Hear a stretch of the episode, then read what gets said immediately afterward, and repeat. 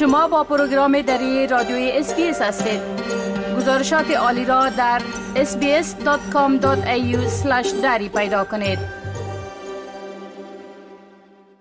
وقتی درباره سواحل استرالیا فکر می کنیم اکثر اوقات برخورد با کوسماهی ها یا shark ها به ذهن ما خطور می کنند. استرالیا به حیث یک کشور جزیره بزرگ دارای کوسماهی های متنوع فراوانی است. اما اکثریت قاطع انواع گوناگون این کوسماهی ها تهدید کمی را متوجه انسان ها می سازد یا اصلا تهدید به بار نمی آورند. ولی امواج متلاطم یا ریپ کرنز یکی از بزرگترین و رایجترین خطرات در سواحل استرالیا محسوب می شوند. دانستن محل و زمان شنا بهترین دفاع در برابر این خطرات ساحلی است. استرالیا تقریبا دوازده هزار ساحل دارد. کمتر از پنج فیصد آنها توسط ناجیان غریق یا ناجیان موج سواری گزمه و نظارت می شوند. طور اوسط صرف یک حمله مرگبار کوسماهی در هر دوازده ماه گزارش می شود در حالی که حد اوسط تعداد مرگ در اثر غرق شدن در ساحل در عین همین مدت 122 بوده است. بسیاری از این مرگ ها در اثر جریان موجهای متلاطم یا rip رخ می دهند Shane Daw مدیر عمومی مسئولیت ساحلی در نهاد Surf Life Saving Australia است. این نهاد در سال گذشته ده هزار عملیات نجات را انجام داد که بسیاری از آنها در پاسخ به یک خطر پنهان بود. Rip currents are our number one hazard on our beaches, so they account for almost 25%, so a quarter of all drowning deaths around Australia, and we believe that number to be higher However, this is based on the numbers which have been witnessed. So last year we had 141 coastal drowning deaths, so a tragic number. About 36 of those were attributed to rip currents. امواج متلاطم یا رپس کانال های قدرتمند از آب هستند که در جهت مخالف امواج حرکت می کنند و شما را از ساحل دور کرده و به سوی بحر می کشانند. و آقای داو می گوید که تشخیص آنها دشوار است. We know that two out of three people who say they can spot a rip current actually get it wrong. If you see the surf coming in and you see parts where it's no surf, you may think that's a safer spot, but that probably means that's the water moving the opposite direction and that's why there's no waves in those areas. And we have a bit of a saying, white is nice, so you see the rolling of white water, green is mean, and by that it means the green water generally is water that's deeper and moving in a different direction. رپ ها می توانند کشنده باشند.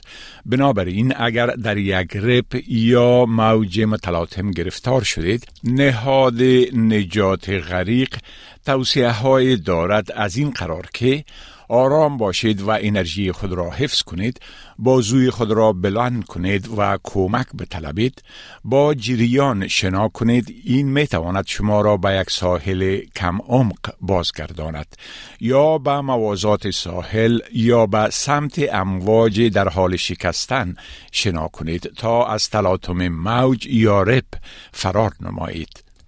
اما شنداو میگوید بهترین توصیه این است که در جایی که امن است شنا کنید. We really encourage people to think about where they're swimming, their own capacity, their own ability, and where possible, swim at a patrol beach between those red and yellow flags. 76% of drowning deaths that we had over the past 12 months actually occurred one kilometre away from a life-saving service. So the key message for people is when they're heading to the beach, no matter who you are, look for a patrolled location. So the red and yellow flags signify a safe area where surf lifesavers or lifeguards are going to be patrolling that area, supervising it, and that way if you get into trouble, you know, they can help you out. حملات کوسماهی ها برخلاف غرق شدن در ساحل یک رویداد غیر معمول و گاه و ناگاهی است. دکتر فیبی میگر یک افسر حفاظت حیوانات وحشی در انجمن حفاظت ترونگ است. او سرپرستی ذخیره کمپیوتری اطلاعات حوادث کوسماهی استرالیا را به عهده دارد که برخوردهای ما با کوسماهی ها را از سال 1800 تا حال ثبت کرده است. Australia has the second highest number of total bites in the world. The first is the USA, and we've actually risen from an average of nine bites a year between 1990 and 2000 up to 22 bites a year from 2010 to 2020. Luckily for us, out of all those bites, it's an average of one fatality a year. Even though there seems to be increase in the number of bites, this could be attributed to things like social media. It doesn't necessarily mean that more people are being bitten. It just means that we know about it. کوسماهی ها انسان ها را اشتها آور نمی دانند. آنها یقینا به صورت عمدی ما را در ساحل جستجو نمی کنند. I don't think they have the cognitive ability to discriminate between different mammals. Really, they're quite opportunistic feeders. We find in, from the data that often if a shark does bite a human, more often than not, it has that one bite and then turns away quite quickly. It's more likely that you're in the wrong place at the wrong time. And to the shark's perspective, it doesn't matter if it's a human or a seal or a turtle. مارسل گرین رهبر برنامه های کوسماهی در وزارت صنایع اولیه نیو ساوت ویلز می گوید که در حقیقت تعداد کمی از انواع کوسماهی برای انسان خطرناک هستند. There's nearly 400 species of sharks, and of those few hundred species, there's really only three species of concern to us in New South Wales. So they are the white shark, tiger shark, and bull shark. And pretty much in Western Australia, you're looking at white sharks and to a much lesser degree, tiger sharks. For Queensland, it's very much those three species, but then they've still got 10 or 12 others on their current target list.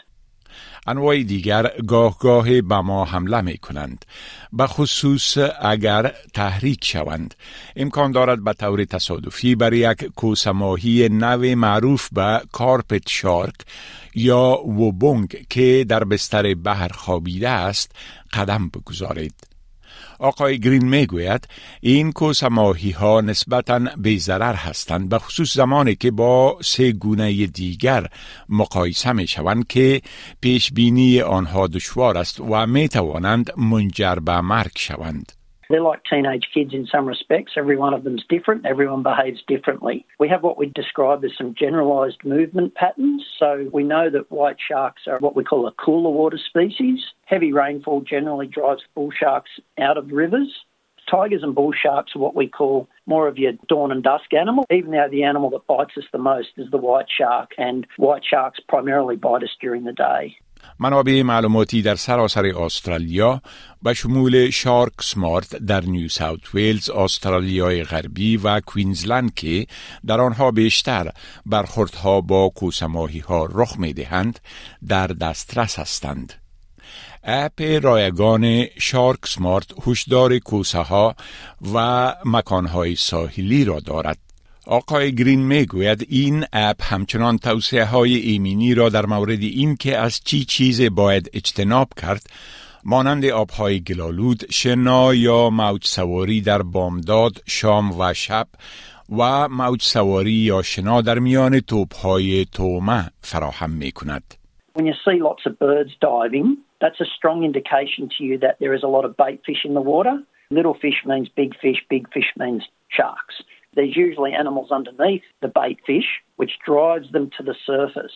So that's why we put forward that message avoid swimming and surfing near or amongst bait balls. نیو ساوت ویلز و استرالیای غربی دو تا از قوی ترین برنامه های کم کردن کوسماهی ها در جهان را برای محافظت از بازدید کنندگان از ساحل و در عین حال تقلیل آسیب به کوسماهی ها دارند. بعضی از سواحل دارای محوطه های حفاظت شده هستند. تیارات بیسرنشین و هلیکوپترها نظارت هوایی را انجام می دهند و در صورت مشاهده یک کوس ماهی زنگ های خطر ساحل به مردم اختار می دهند که آب را ترک کنند.